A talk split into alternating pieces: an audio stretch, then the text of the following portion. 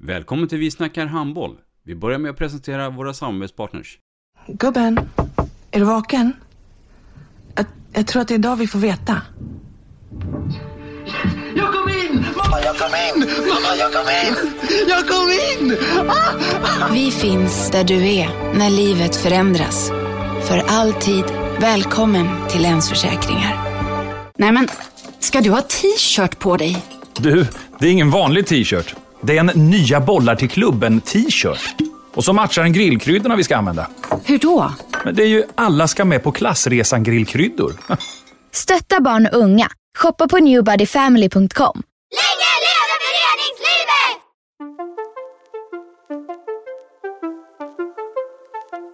Välkommen säger vi till dig som lyssnar till den nya handbollspodden Vi snackar handboll med Robban Z och Matte. Vi snackar handboll, där du får veta alla sanningar som du inte visste att du missat. Vi snackar handboll. Idag i programmet Vi snackar handboll, Matte, så vill jag påstå att vi har en eh, riktig, riktig supertalang eh, inom svensk damhandboll. Håller du med om det? Ja det gör jag verkligen. Jag tror att det här kommer vara på hennes position eh, en av de största som kommer att eh, ha en stor framtid och prata för, i det här fallet om eh, mittsexan idag i Sävehof eh, och född 02, Thea Blomst. Varmt välkommen! Tack så mycket. Tia Blomst, född 2002, den 27 augusti. Vem är det? Eh, ja, jag är 19 år, eh, spelar i Sävehof som mittsexa och eh, ja, bor i Partille. Mm. Berätta lite mer om, om familjen Blomst. Det är jag lite nyfiken på. Eh, ja, eh, jag har inga syskon men eh, jag har även skilda föräldrar. Mm. Så jag båda två bor i Sävedalen. Mm. Så ja, I Partille. Och är de eh, idrottsnördar, handbollsnördar? Eller? Ja, båda Ja. två har spelat handboll eh, och så därför var det naturligt för mig och också att testa på det. Ehm, så de är väldigt aktiva inom handbollen. Och, och, då var det ganska naturligt eller självklart att du också skulle börja eh, spela handboll. Precis, och sen så är ju Partille en, ett ställe där många spelar handboll. Så det var ju naturligt att alla kompisar från skolan och alla vänner man hade började handboll. Så då blev det så. Mm. Jag vet att många årskullar har varit extremt stora eh, ute i Partille. Eh, och sen så mm, blir det färre och färre ju äldre man blir. Hur, stor var den här kullen från början? Åh herregud. Eh, vi var väldigt många. Eh, jag har inte något minne av exakt men eh, mer än hundra. Mm. Mm. Och, och då är det olika stadsdelar man spelar handboll i. Ja, Och du tillhörde Ugglum. Ugglum? Mm. Den här lilla, lilla stället där med en asfaltsbana. Jag, jag drar ju minne hittills av Partille Cup eh, när man skulle ner dit och, och spela den här matchen. Så att, eh, ja, det är ju ett roligt minne, Partille Mm. Cup. Verkligen. Och den har du spelat också. Ja, många Mm. gånger. Och du har vunnit också den? B-slutspelet har jag vunnit, Ja. men inte, ja. Ja, ja. Jag undrar om eh, just den här uh, ungdomstiden när man börjar i, i, i uh, handbollsskola och på, på väldigt ja, mycket lek där i början. Hur, liksom hela samhället, är, är, liksom, det är ju väldigt, väldigt stort i, i, i hela Partille om man säger, men hur var, det, hur var det för dig? Spelade alla dina klasskompisar handboll? Ja, det gjorde de. Eh, många testade på eh, och eh, det var ju även fotboll i Sävedalens IF då, eh, som många andra eh, spelade och även jag. Så handboll och fotboll var grejen. Det fanns inte något annat på kartan Nej, pyssla med? precis. Nej, nej. Och, och, och, de som gick i din klass där, var de också äh, idrottsnördiga? Eller var det du som stack ut där lite extra? Eh, alltså det var ju många eh, som eh, spelar än idag och som också älskar handboll. Men eh, ja, jag var nog en av dem som gillade det mest tror jag. Och ju äldre du blev, ju mer formbara blev ju det här laget då, 02. Berätta lite grann om den resan. Jag är lite nyfiken på vem som var din första tränare, när det var lite på allvar. Eh, på allvar. ehm, det är det? nog, eh, Ja men jag tror när det riktigt blev seriöst var ju, jag kom upp med de som var ett år äldre med 01 Mm. eh, ganska tidigt. Eh, och eh, då hade Pia Solefors Mm. den kullen.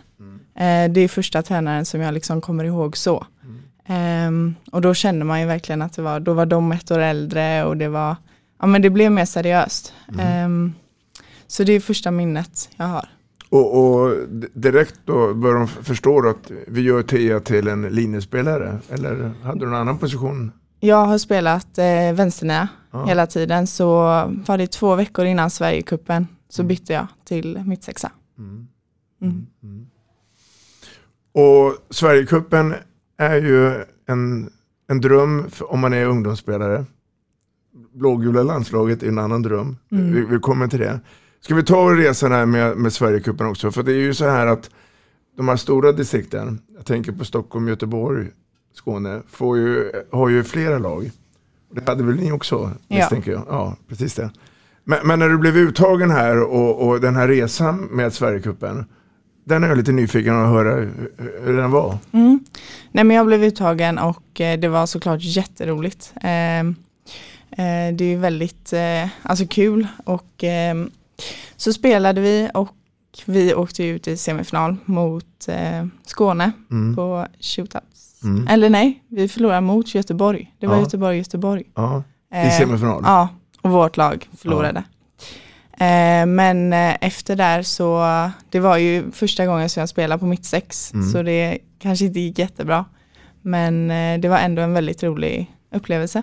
Har du fått någon förklaring nu var, varför de valde dig som mittsexa där i det läget då? Jag tror att mycket handlar om att jag var, jag kom ju upp med de som var äldre och det var ju någonstans i de åldrarna också där jag började tänka lite mer. Så då fick jag lite respekt och blev lite mer bollfördelare bara. Så Mm. jag, det blev att jag gav över ansvaret Mm. och kom inte riktigt över det eller förbi det. Mm. Så då blev det naturligt att jag ville testa något annat. Liksom. Och, och i den vevan så hade du också ansökt om gymnasiet. Precis. Och, då var det handboll du ville gå på. Mm. Mm. Och, och, och, det vet vi hur det gick. Mm. Du hamnade här i Göteborg, i Katrineholm. Eh, men efter Sverigecupen så hände någonting också. Då, då blev man ju kallad till riksläger. Mm. Och då får man ett brev på posten, eller på mail eller telefonsamtal. Då. Ehm, och då blev vi ju kallad dit. Ja. Mm. Jag blev eh, nej men jätteglad. Eh, det kändes skitkul och eh, väldigt, eh, ja men man var taggad på att vara med. Mm. Eh, och det var väldigt eh, lärorika dagar. Det var intensivt och det var mycket teori och mycket träningar men det gav väldigt mycket. Vilka ledare träffade du eh, under den tiden i Halmstad då? Oj, på riksläger 1. Ja. Det var, Nämn några du. Ja. Du kommer ihåg det. Men eh, Patrik Slavén var väl med. Mm. Eh, Johan, Mm. eh, Peter. Mm. Jag tror det var de som har varit med hela tiden. Mm. Och Patrik Svarvén Mm. är ju då, eller var ju då förbundskapten för det U-landslaget, eller J och sen ehm, men du gick med alla de här stegen och så, så kom det ett samtal då från Handbollförbundet att de ville kalla det till U-landslaget. Mm. Berätta lite om den Eh, händelsen. ja, jag blev eh, jätteglad. Eh, såklart eh, chockad, man tänkte ju inte så. Men eh, jätteglad. Hade du någon förvarning att det kunde bli så? Eh, eh, någon som har tisslat i, bakom busken och sagt att du kommer vara med här eller? Nej.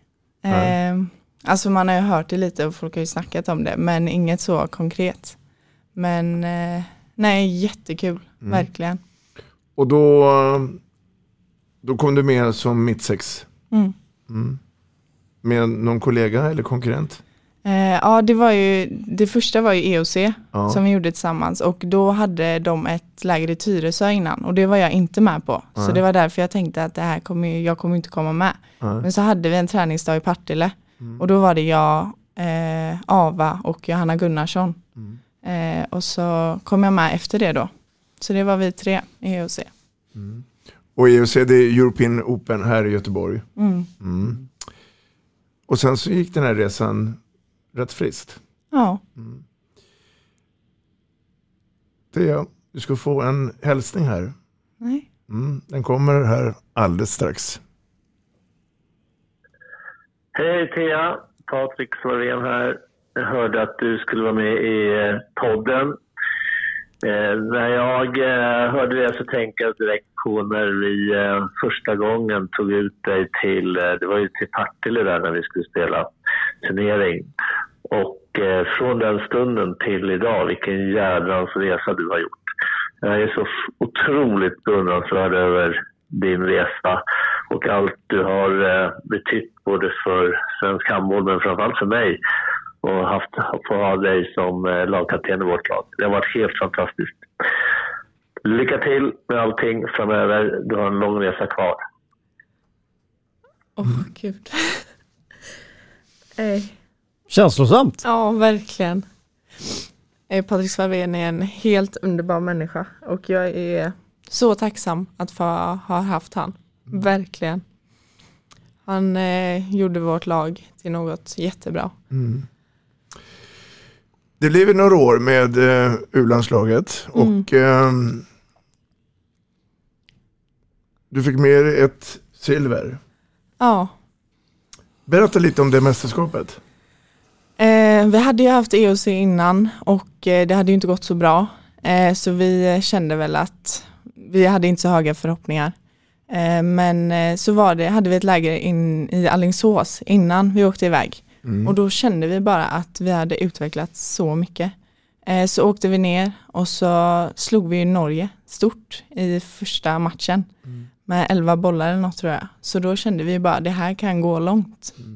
Eh, och sen så eh, gick vi då till eh, final. Mm. Eh, men eh, så var ju Ungern lite starkare. Men en väldigt rolig upplevelse. Och eh, jag är så tacksam att jag har fått vara med. Och Ungern vann ju både för J och U. Jag Mm. inte är helt fel. Jag tror inte det. Jag tror att de vann båda. För det var en stark kull. De här 02. Eh, Matte, vad, vad, vad tänker du när, när du hör Thea berätta det här? då? För det här är ju väldigt speciellt och det är väldigt stort också. Ja, det är det som jag tycker. Det är, man får nästan rysningar för att jag menar, det man ska veta det är att det är väldigt, väldigt många som drömmer om att få göra den resa som Thea har fått gjort. Och det är väldigt få förunnat. Och därför är det så himla skönt och, när man sitter här och, och lyssnar på och Thea och ser Theas reaktioner att hur ödmjukt hon liksom uppskattar och tackar alla som har betytt någonting så här långt i hennes karriär. Men eh, som vi säkert kommer komma in på lite senare så, eh, så kommer den här karriären nog eh, inte stanna där den är idag utan det kommer nog ske, få, ske jättemycket i de närmsta åren med, med Thea. Mm. För det är ju så Thea att det här har du inte gjort över en natt. Det här har krävts oerhört många träningstimmar. Nu får du fritt bara berätta. Hur, hur är det möjligt? Eh, nej men jag skulle säga att Katrina Lund var det som eh, hjälpte mig otroligt mycket. Eh, jag, ja, men jag tränade ju som alla andra där i början några gånger i veckan men när man förstod allvaret i det som Katrina Lund har hjälpt mig med liksom med kost och med, ja, med den fysiska träningen som jag inte hade jättebra koll på och man fick hjälp eh, alltså på individnivå så har det varit en otroligt stor hjälp. Och eh, sen var det väl när jag kom upp i A-laget Eh, jag var med och tränade några gånger. Eh, så kände jag väl bara att om jag verkligen vill detta så måste jag ta tag i det ännu mer.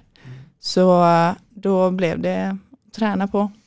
Hade du någon förebild på, på skolan där som, som du kände att honom eller henne har jag ett förtroende för och, och han eller hon eh, stöttade dig till 100 procent? Eh, alltså jag, skulle, jag gillar eh, Dennis Sandberg mycket Mm, för hans sätt att vara. Han är väldigt rak och eh, ja, men jag gillar hans sätt att vara som ledare. Så han har jag fått mycket tips om eh, på skolan. Och, eh, men sen är ju alla jätte, jättebra på ledarna. Kände du någon gång under de här tre åren att nej, det blir för mycket? Det är eh, morgonträningar och sen så är det skola och sen är det kvällsträningar och så vidare och så vidare. Eller kände du att du hade balans? För tre år är ändå tre år. Precis, nej men det var jätte upp och ner. Eh, vissa gånger kändes det bara som att man ville sluta. Eh, men sen eh, man, man försöker och sen så går det. Mm. Um, Ja, du nämnde ju Dennis Sandberg där. Mm. Eh, Jag undrar lite grann om verksamheten eh, i stort där på Katrinelund och, och, och för dig. Fick du ta del av alla tränare och ledares kompetens eller är det så att det är lite grann uppdelat att vissa tre, av ledarna är mer för killar och vissa är mer för tjejer eller är det så att eh, alla får möjlighet att ta del av allas kompetens och kunskaper? Eh, nej men det är så att man, vi tränar ju tre gånger i veckan och oftast var det två handboll. Eh, så då hade man två ledare och sen så bytte man tjejer och killar på andra träningen då. Så man fick alltid rullians Mm. på ledarna. Så man fick ju massa olika tips och ja, alla, av alla ledare. Så det tyckte jag var jättebra. vi, vi har ju haft många gäster och vi har pratat ohyggligt mycket om det här med gymnasieträning och det. Och, och jag vill ju provocera lite grann och, och, eh, och nu ska vi göra det med, med eh, Mats här då. För att eh, jag hävdar helt personligen att, att ibland kan det bli för mycket. Men det finns givetvis undantag. Eh, och eh, i det här fallet med, med dig Thea, är det förmodligen ett undantag att du lyckades behålla det här. Även om det ibland är mörkt på morgnarna och det är kallt och det är tungt och hela den här biten. Men, men det är väl så som vi har varit inne på eh, Matte, att, att för några klarar det här och, och då blir det också bra. Ja, jag kan väl säga, ja absolut. Jag tror att eh, den här formen av utbildning är inte för alla. Eh, det är en, eh, en utbildning som passar väldigt bra för, eh, för de som tål mycket belastning men också eh, en, en, eh, en skara människor som redan i tidig ålder vet vad de vill och jobbar stenhårt mot de målen. Och, Eh, men jag tror att det är viktigt att poängtera att att eh, verksamheten på gymnasierna är inte det är inte enbart en väldigt, väldigt massa handboll utan Thea har varit inne på lite grejer. Det, det är ju liksom att det är ju lära, lära de här eleverna vad som krävs för att komma dit man vill och då handlar det om att ha kunskap om många områden och, och framförallt att jobba med den fysiska utvecklingen eh, för att tåla mycket träning över tid. Jobba med skadeförebyggande träning, jobba med kosten, jobba med återhämtningar och, och självklart eh, eh handboll, en viss handbollsträning som till 100% egentligen är individanpassad utifrån, inte så mycket lagtänk och spela massa system och sådana saker utan är individuell teknikträning eh, som, som inte är alltid så högintensiv utan mer ett nötande av små moment. Så att, eh, och där tycker jag nog att skolorna har hamnat, hamnat ganska bra där man är idag. Mm. Om du inte hade gått på handbollsgymnasiet och, och gått en traditionell vanlig linje och tränat på kvällarna och, och nöjd med det. Hade det varit en helt annan Thea då tror du? Det tror jag verkligen. Mm. Eh, Jag tror säkert att jag hade försökt träna så mycket som det hade gått. Men eh, nej, det har gett mig så mycket och gått på Katrinelund och hjälpt mig otroligt mycket. Om jag nu skulle vara en pojke född eh, 06 blir det då, då eh, och ska välja nu eh, gymnasiet. Vad, vad, vad, är- vad är dina råd till mig då? då? Eh, Nej men jag skulle säga att det är, ja, men som ni, vi har varit inne på, det är liksom inte bara bara handboll. Nej. Utan man lär sig så mycket mer. Alltså hur viktigt den fysiska träningen är och varför man ska träna vissa saker. Och eh, ja, men även i klubblagen så får man liksom träning som är anpassad till att skapa ett lag. Mm. Och här får man mer individuella tips som kan göra dig till en bättre handbollsspelare.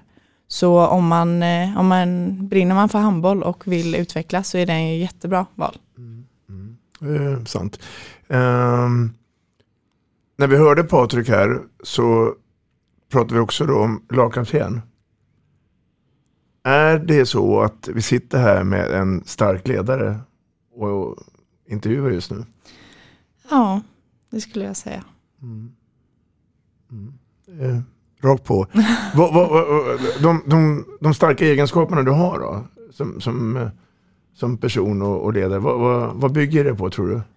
Eh, nej men jag tycker att eh, jag tycker det är väldigt viktigt med hur personen mår eh, och eh, det tar jag med in i mitt eh, ja, men ledande. Eh, Mm. Jag tycker det är viktigt att en grupp trivs och är trygg och att alla känner sig, alltså kan slappna av och bara vara sig själva. Och det är väl någonstans där som jag har försökt jobba med mest med U-landslaget när vi har varit iväg. Liksom. Mm. Att prata med alla, det här liksom runt om banan. Men eh, sen självklart också på banan vara en spelare som man känner tillit till. Att man, eh, ja, men en ledare för laget. Ja. Det är kloka ord. Absolut. Mm. Eh, vi är alla individer men vi måste också veta att vi eh, är högst delaktiga i en, ett kollektiv, i en lagidrott. Eh, så att eh, vi kan inte bara tänka eh, egoistiskt utan vi måste tänka hela gruppen och, och, och då är det viktigt att ha spelare som gläds när andra gör någonting bra och inte bara gläds när man själv lyckas med saker utan att man eh, också gläds med varandra och åt varandras eh, eh, lycka. Eh, det tror jag är enormt viktigt. Att man visar uppskattning till varandra eh, på alla plan. Både ledare gentemot spelare men även spelare gentemot ledare. Att faktiskt som spelare att man kan komma och säga till sin tränare, fan vad jag tycker den här träningen var bra, vad, vad kul det var. Och, och, men också att, ja, att man ger varandra uppskattning för man träffas så pass många gånger per vecka och eh, det här med att må bra som Tia är inne på, det är också en viktig aspekt för att jag tror att i eh, högpresterande verksamheter så är det viktigt att må bra.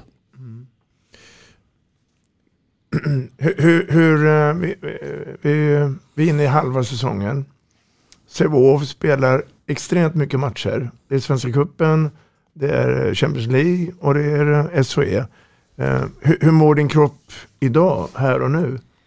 Eh, här och nu mår den bra. Ja. Nu har vi fått lite vila eh, vid jul. Så Mm. nu är jag återhämtad och mår bra. Men eh, självklart när det har varit som mest matcher så känns ju det. Eh, så det har varit tufft men det är ju samtidigt väldigt roligt. Mm. Och, och, och varför jag frågar det, för du har ju en position, du spelar i mittförsvaret, trea, och sen är det framåt mitt sex. Eh, och där är det, där är det lite grann alla mot alla. Och, och ibland undrar man om det finns regler i, i mitten där. Men, men du får ju extremt mycket stryk. Och du, förmodligen ger du också mycket stryk då. Eh, och, det, och det är fascinerande. Jag, jag drar ju en hel del likheter. Jag vet inte om jag tänker rätt eller fel, men jag tror jag tänker rätt i alla fall. För att eh, innan den säsongen, eh, för du har ju fått mycket speltid och förtroende. Är, är det mer förtroende än vad du trodde från början du har fått? Ja, men det är det. Det Ja. var ju, jag kom ju upp, eh, vad ska man säga, seriöst eller på riktigt förra säsongen. Och Mm. då var jag ju tillsammans med Tess Krunell. Ja. Eh, och så drog hon på sig en skada. Mm. Så då var jag tvungen att gå in och spela mycket redan från start. Eh, så det är väl alltså på så sätt som det har fortsatt så kan jag tänka mig. Mm. För det var nog inte planen att eh, släppa in mig från start, Nej. min första match liksom. Eh, så då har det fortsatt och samt, jag tycker det är jättekul att Mm. få det ansvaret och att få spela. För nu tänker jag testa er två. Jag ser ju en likelse mellan Tia Blomst och en spelare till i Sävehof. Vem tänker jag på då? Som har gjort liknande resa som du gör just nu. En tjej från Gustavsberg eller? Nej, jag tänker på Felix Muller. Mm. Alltså då Sävehofs herrar. Som vi också hade här i, i somras i podden. Och, där han kastades in i en match. Och, och sen så blev det en supersuccé. Och sen bara fortsatte. Och det är det jag ser med dig också här. Eh, och eh, blir sjukt imponerad av det hela så att säga. Om vi pratar egenskaper och vi pratar talang. Nu ska vi prata det. Är Thea Blomst en talang? Eller vad är en talang för dig? Oj, vad svår fråga. Ja. Lycka till att besvara den. Verkligen. Men jag tycker att talang kan vara så mycket olika.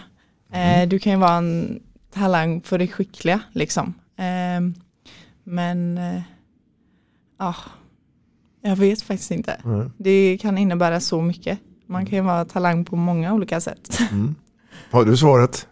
Matte? Nej, men jag tycker hon är, jag tycker som hon att det kan, talang kan man vara på många sätt. Men för mig så är den största talangen att, att ha en förmåga att eh, träna hårt och mycket.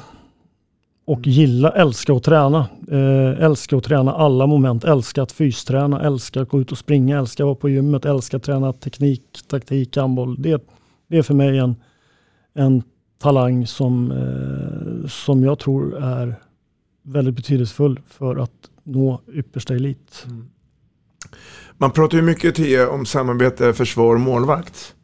Uh, är det lika mycket snack anfall mittsex? Eh, det har blivit det mer nu. Eh, I början var det väl mycket mer bakåt. Mm. Men nu är det mer snack, alltså så här samarbeten. Man måste ju hitta in till mittsex, det blir mycket svårare att mm. stoppa ett lag då liksom. Så det har blivit mer. Mm. Och, och i, i, din fall handlar det mycket om att uh, skapa förutsättningar för uh, någon av niometersspelarna att gå in i luckor eller är det meningen att det ska byggas på att vi ska hitta Tia uh, någonstans i Eh, jag tycker att det börjar med att det var att jag skulle skapa luckor till niometare. Vi har ju väldigt skickliga eh, duellspelare så mm. att eh, ja, men dela av och skapa yta. Men eh, nu har vi börjat jobba lite mer med att eh, få mer, alltså mittsex med i spelet. Mm. Eh, så det är kul. Mm. Om vi skulle åka ner till eh, arenan en kväll och, och träffa alla spelare och göra en skjuttävling. Mm. Alltså vem som skjuter hårdast. Ja. Um, vad, vad, tror vi skulle hamna från nio meter? Vad skulle du hamna på? För plats? Ja. Oj. Är du bland de hårdaste som skjuter? Uh, det tror jag inte. Eller ju, kanske. Jag vet faktiskt inte. Uh. Men, jag, uh, jag, tror ju nämligen det. Du tror det? Ja. Uh, för det är en sak till som jag har reagerat på och apropå det här med egenskaper. Och du, du, nämnde ju i början på sändningen att du har gått på nio meter och spelat också. Men du gör en sak till på matcherna. Vad tänker du på? Straffa? Ja. ja. Eh, och där har du en ganska hög procent i antal gjorda mål. Mm. Kan det bara komma från himlen? Eller är det någonting som du har jobbat med? Nej, jag har inte jobbat med det. Eh, men jag var straffskytt när jag var mindre. Eh, mm. Och sen så har jag fått chansen att vara det nu med. Men eh, ja. För är det inte så, Dagge, eh, Matte, att, att det är väldigt sällsynt att mittsex lägger straffar? Eller är det bara jag som tror det nu? Ja, det är det väl.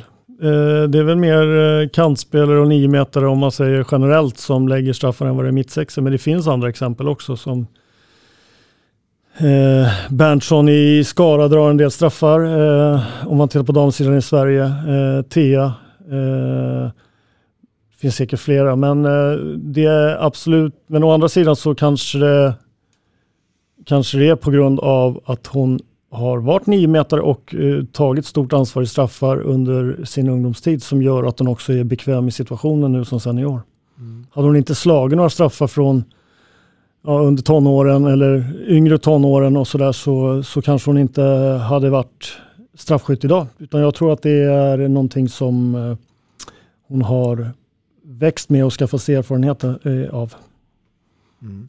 Och om det är nu så att du ordnar en straff, eh, du blir nedriven på, på linjen.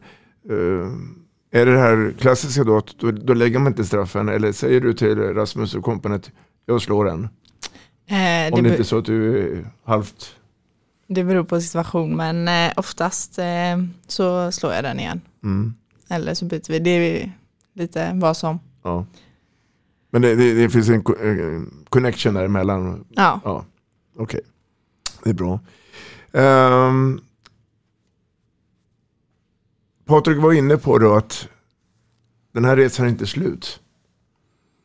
Om, om vi nu tittar framåt här då, vad, vad, vad, vad känner du nu att det här måste jag bli ännu bättre på för att ta ett steg till? Eh, jag tycker att man känner en otrolig skillnad med att spela Champions League och mm. där märker man ju verkligen vad som krävs. Eh, det går lite snabbare, det är lite tuffare eh, och det är väl dit jag vill. Mm. Så ja, men med allmänhet jobba med att komma upp i det spelet. Mm. Samma fart och styrka. Mm. En viss skillnad att spela mot Gör borta och Krim hemma. ja, det är ja, stor skillnad. Jag förstår det.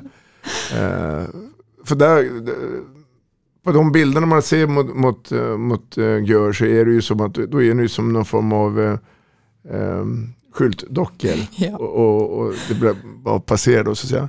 Eh, det måste också vara häftigt att, kunna spela en sån match, även om man får massa stryk. Då kanske inte är just det, men med lite distans till det hela. Eh, kan det vara så tror du att, att eh, Sävehof hamnar där i det läget någon gång som i den kapaciteten som exempelvis gör? Tror du det? Eller? Eh, jättesvårt att svara på. Eh, jag vet faktiskt inte. Självklart kan det hända men eh, just nu vet jag inte. Nej, nej. Om vi då pratar lite just mittsexens roll spelet där. Eh, och där vill jag gärna att ni fyller på båda två då. Hur, hur, hur viktig är den? Ehm, man säger ju oftast historiskt att har man ingen bra mittsexa så då spelar man ju oftast fem mot sex. Uh, utveckla gärna mittsexans roll här. Ni får titta på varandra och svara.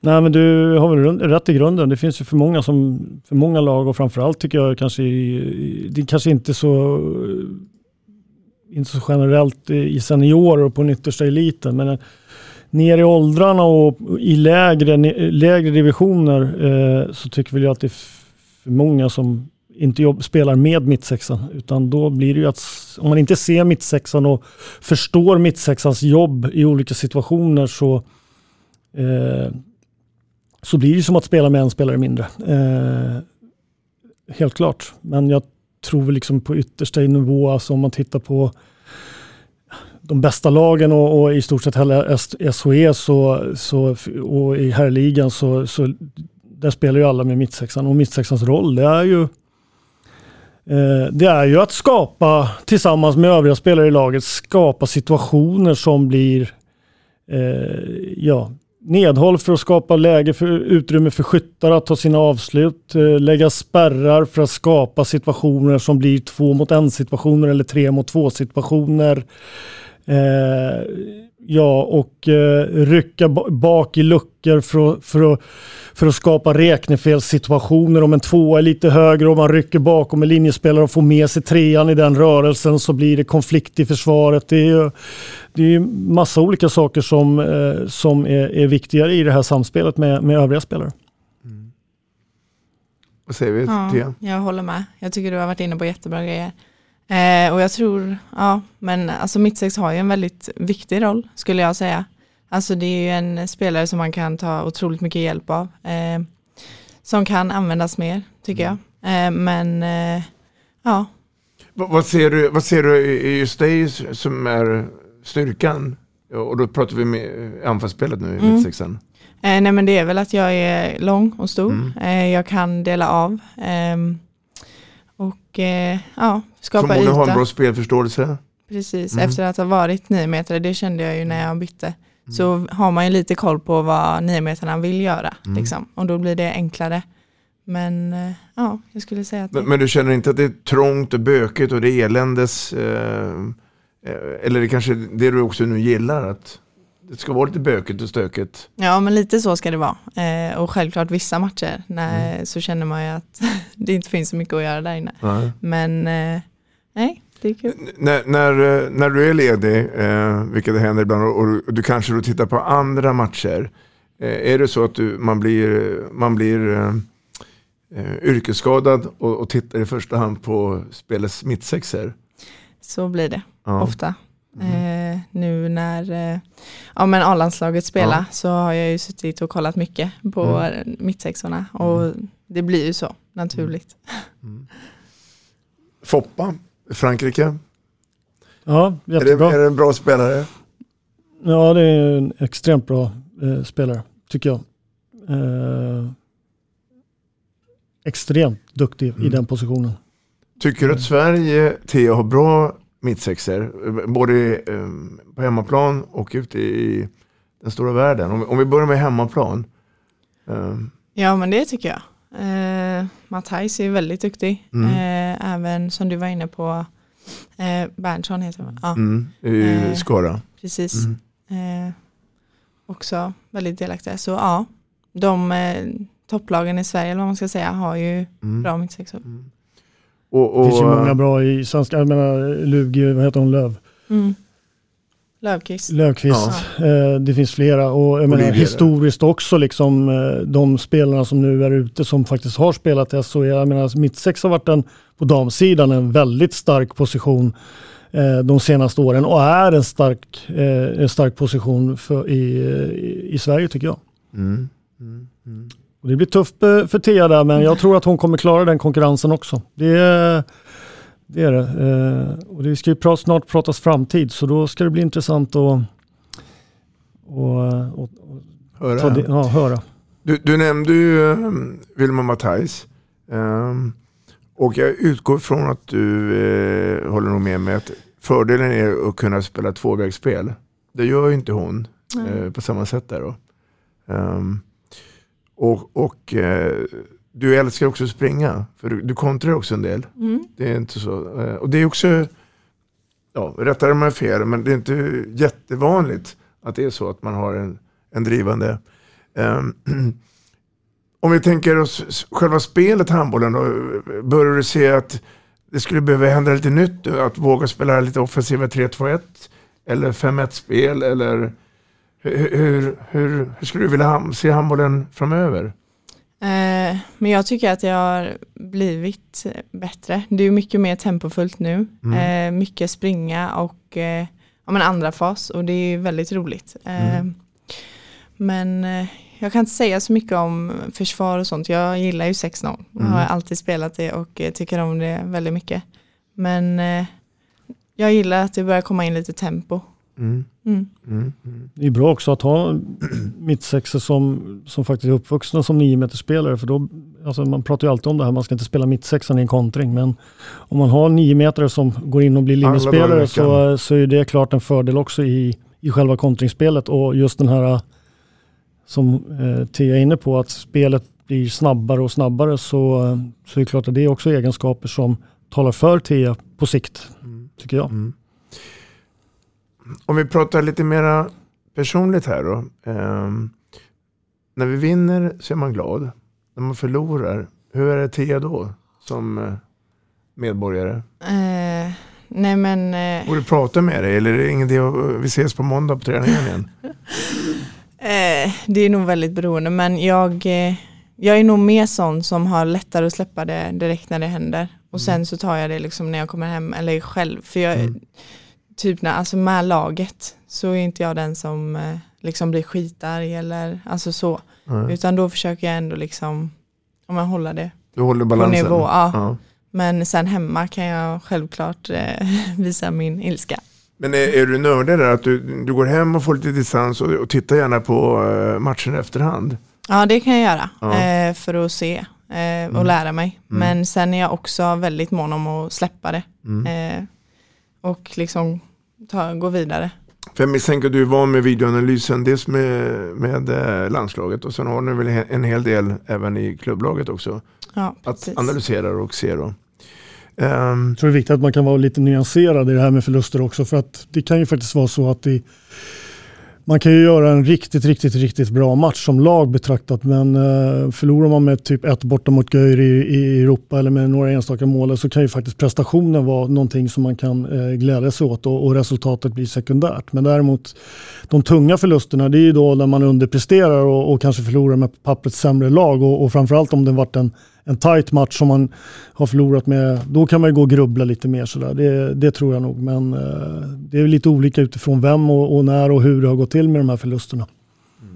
Verkligen. du håller med? Ja, det är jag. Mm.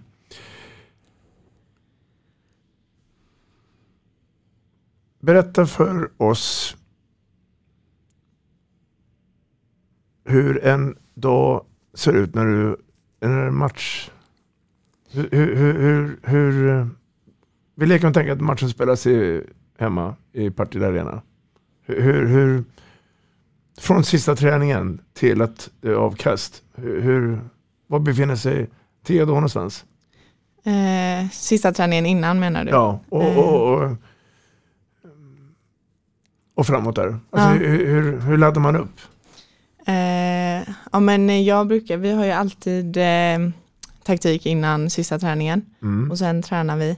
Eh, så efter det så brukar jag bara släppa handbollen. Mm. Eh, och eh, vara med min familj eller vänner eller vad som. Mm. Eh, men sen dagen efter när det är matchdag så gillar jag, jag vaknar tidigt. Mm. Så brukar jag kolla igenom eh, taktiken igen eller kolla någon match på laget vi ska möta. Och sen så, och då börjar jag liksom tagga igång. Mm. Eh, och sen så gillar jag att eh, gå ut och gå innan. Mm. Eh, och bara rensa tankarna och komma in. Det är de Ja, här men- vita snäckorna då som hamnar i öronen och sen så... eh, Precis. Ja. Ja. Och sen så åker jag hem och så äter jag och sen så åker jag till arenan. Apropå de här vita plopparna då. Mm. Man har ju dolda talanger. Det sägs att du är duktig på att sjunga. Ja. Nej. Stämmer det? Alltså jag älskar att sjunga och jag sjunger ofta. Men eh, jag skulle inte säga att jag är jättebra faktiskt. Nej. Är, är du allmänt musikintresserad? Ja det är jag. Ja. Är det allt från schlagerlåtar till eh, rock och pop eller är det? Det är väldigt blandat. Ja. Men eh, ja, blandat. Vad gillar du bäst då? Sjunga i duschen eller sjunga eh, på lagfesten? Det är lika bra. Men duschen, där kan man ändå skrika ut rejält. Ja. Mm. Jag förstår det. Du, ehm, vi har en morgondag och vi har en framtid. Eh, och eh, den är vi lite nyfiken på hur du eh, tänker. Ehm, det är så att du går under, står under kontrakt med Sävehof.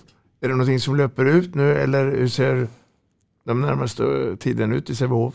Eh, Jag har denna säsongen. Ja. Eh, och sen så får vi se. Mm. Men ingenting är klart. Som är klart nu? Nej. Nej. Eh, då tror jag att vi har en hälsning igen här. Hej Tia, det var Angelica här.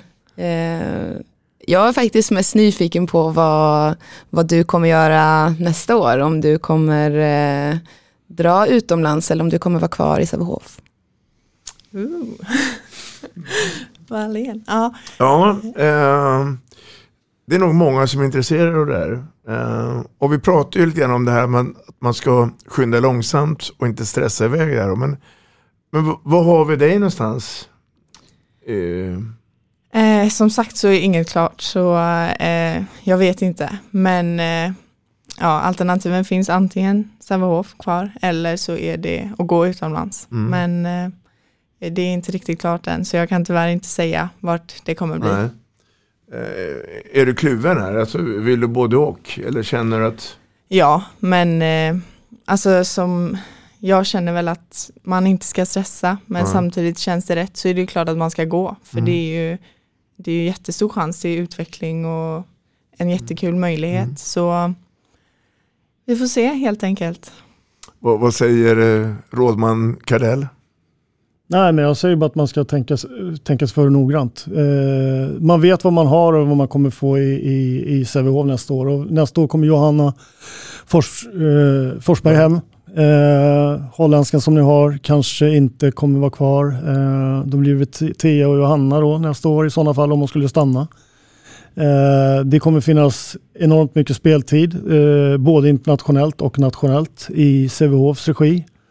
Eh, ska man byta eh, så ska man ju till, ja, vara var noga med vad det blir för form av, av roll. Om man ska bli någon form av backup eller liksom sån här nödlösning om det är någon annan som går sönder och det. Och, och sitta på bänken i ett eller två år och, och sådär, då ska man nog vara försiktig med det. Kommer man till en miljö däremot där, det- där, där det erbjuds speltid och eh, på samma nivå som Sävehof, då kan man absolut överväga det. Eh, för det är ju ett äventyr och det är, är någonting man kan växa med som, som spelare. Och utifrån de målen som säkert Thea har med sin handboll och framtid så så, är det, så kommer det säkert att eh, någon dag i framtiden bli, bli verklighet i alla fall. Men jag tror att eh, det, det är helt och hållet beroende på vad det är för situation som erbjuds på ett annat alternativ kontra det som erbjuds hemma miljön med Sävehof. Det är väl eh, min liksom klarsynta eh, syn på vad, vad, vad det, vad, hur hon ska välja. Ett råd från mig. För, för det är ju så också att eh, ni kommer ju ha ett tränarskifte inför nästa år. Rasmus lämnar och in kommer Jesper Östlund. Mm. Gammal mittsexa. Ja. Precis. Eh, kan också rekommendera att gå in och, och lyssna på det poddet. Här. Ehm, kan det vara så att det är också en spännande syn och eh, se vad eh, Jesper kan tillföra? Ja, det är självklart jättespännande. Eh, som ni sa så är jag en gammal mittsexa och har säkert jättebra om en råd och tips till mig. Ehm, och anfallsspelet är väl det jag vill utveckla, så självklart kan han säkert vara till stor hjälp. Ehm, så ja, det är Mm. spännande. Mm, mm. Ja, framtiden får se. Om det är nu så att du har en dröm att eh, komma med då i A-landslaget, vilket jag misstänker att det finns någonstans där då, så är det en fruktansvärd hård konkurrens. Ja. Hur ska du kunna slå dig in där då? Nej, men de är ju otroligt duktiga, de som är på mittsex nu. Eh, så det, det kommer bli tufft och eh, svårt, men jag får väl någonstans bara köra på och visa att jag vill vara där. Eh, träna lite hårdare och eh, ja, verkligen visa. Ha lite tålamod. Mm. För det är ju, det är ju en tuff eh, konkurrenssituation. Ja, det är det absolut. Eh, framförallt på plats ett och två tycker jag. Eh, jag tycker att Vilma Matthijs också är en hyperkompetent eh, mittsexa. Mm. Men fördelen eh, som Thea har, eh, det är ju att eh, Matthijs inte, är, inte spelar så mycket försvarsspel och man vill gärna ha mittsexa som är tvåvägsspelare. Eh, så att... Eh, Och en dörrvakt i mittförsvaret. Ja, precis. Och jag menar där, men det är som sagt vad det är ju är född 02, man ska tänka på det. Alltså hon är fruktansvärt ung fortfarande och, och eh, hennes tid kommer att komma. Eh, helt övertygad om det. Men jag tror att det är viktigt, eh, det finns vissa saker som är viktigt. Jag tror att det är rätt val för dig vad som för din framtid att du gör rätt val nu. Att du också har en, eh, en, en att, mm, du- jag ska- att du får vara skadefri under de närmsta två, tre åren så kommer du att komma, genom, komma dit du vill. Skulle du däremot dra på dig massa skador och vara skadad två, och två och ett halvt år här nu i rad, då, då, då stannar ju utvecklingen upp. Liksom. Så att det gäller att ta rätt beslut vid rätt tillfälle och så ha lite den här Alltså lite det här också att flytet med att, att få hel och, och, och skadefri och kunna träna bra och eh, få mer, ännu mer erfarenhet av matcher både på nationell och internationell nivå. Pågår det diskussioner just nu hur, hur framtiden ser ut mellan dig och Sävehof? Eh, ja, det gör Ja, det ju. det gör Eh, så ja, som sagt kan jag inte säga så mycket, Nej. men eh, det gör det. Men vi kan säga en annan sak. Mm. Blir det Sävehof eller Skure som blir svenska mästare? Eller tror du att det kan finnas något annat lag som kan vara med och, och spela om guldet? Eh, det känns som Skure är väldigt vassa i år. Eh, Så jag tror väl att de kommer stå i en final och eh, jag hoppas ju att vi också gör det. Nu de här första mötena så har det ju, de vann ju mot oss första och sen har vi spelat lika två gånger och så vann de ju på shootout. Så det känns som det, ja men att vi ligger på en väldigt jämn nivå. Ehm, så jag kan Små marginaler. Ja. Mm, mycket små marginaler. Mm. Eh, så är det ju. Eh, och, det lär nog bli, jämnt ända i- in i slutet där. Sen är det väl så också att det laget som kan mobilisera kraft och energi eh, kommer förmodligen eh, dra det längsta stråket. För att ni går in också i nu ett, ett tufft läge med alla matcher. Och då gäller det att hålla truppen också intakt. i det hela. Precis. Det är så. Jag tror man ska ha med i åtanke att eh, Sävehof har dubbla satsningar både nationellt och internationellt. Medan Skuru fokuserar 100% på den nationella satsningen i serie och eh, Svenska cupen. Och Jag tror att när eh, Europa, Europaspel-äventyret den här säsongen tar slut för Sävehof- Sävehof och att de kan fokusera fullt ut och få lite bättre åt, mer återhämtning mellan matcher så tror jag att eh, Sävehof i ett slutspel kommer vara grymt svårslagna. Mm. Sen tror jag att Skuru är den stora utmanaren och eh, som sagt var Skurus respekt, tidigare respekt för Sävehof eh, har nog lite försvunnit utifrån det som har utspelat sig de här matcherna i år. Eh, det jag känner mentalt att Sävehof tidigare haft ett, ett övertag på, på just Skuru. Eh, men det har nog Skuru käkat upp nu i och med att de har nått, eh, ja, åstadkommit lite framgångar mot Sävehof. Både i final eller i slutspel, eh, att de tog, tog slutspelet. I och för sig möttes de inte där men eh, Men eh, även de matcherna som har varit i år. Så att eh, det ska bli spännande att följa och se. Men jag tror att Sävehof blir, eh, får nog ändå gälla som favoriter, om, i mina ögon i alla fall. Mm. Vad tänker du? Eh, nej, men eh, jag håller med.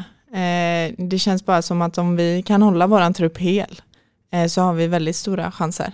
Men det är ju det, det är ju mycket matcher och det är ju inget negativt med det, men eh, det är klart att det tar på kroppen och eh, drabbar truppen om vi skulle åka på några småskador. Så självklart hoppas jag att alla är hela och då tror jag det kommer gå bra. Mm, mm. Det tror jag också.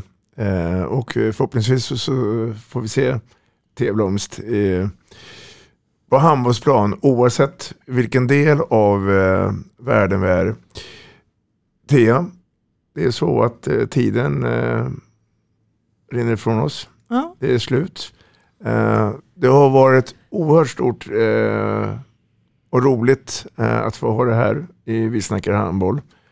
Tack så mycket för den du är och den berättelse du har lämnat till oss. Tack själva. Tack från mig också. Det har varit otroligt spännande.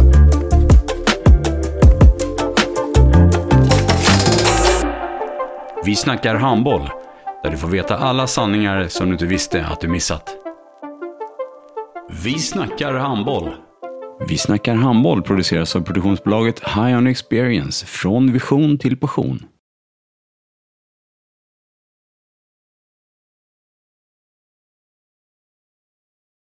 Ett avslutande tack till våra samarbetspartners. Hallå! Kommer ni eller? Ja, ja. Har du sett mina ankelsockar? De här? Nej, nej, jag menar skridskoslip till juniorlaget Ankelsockarna. Ja, men kolla bredvid träningsläger med handbollstjejerna-t-shirtarna. Stötta barn och unga. Shoppa på newbodyfamily.com. Länge leve föreningslivet! Gubben, är du vaken? Jag, jag tror att det är idag vi får veta. Jag kom in! Mamma, jag kom in! Mamma, jag kom in! Jag kom in! Ah! Vi finns där du är när livet förändras. För alltid välkommen till Länsförsäkringar.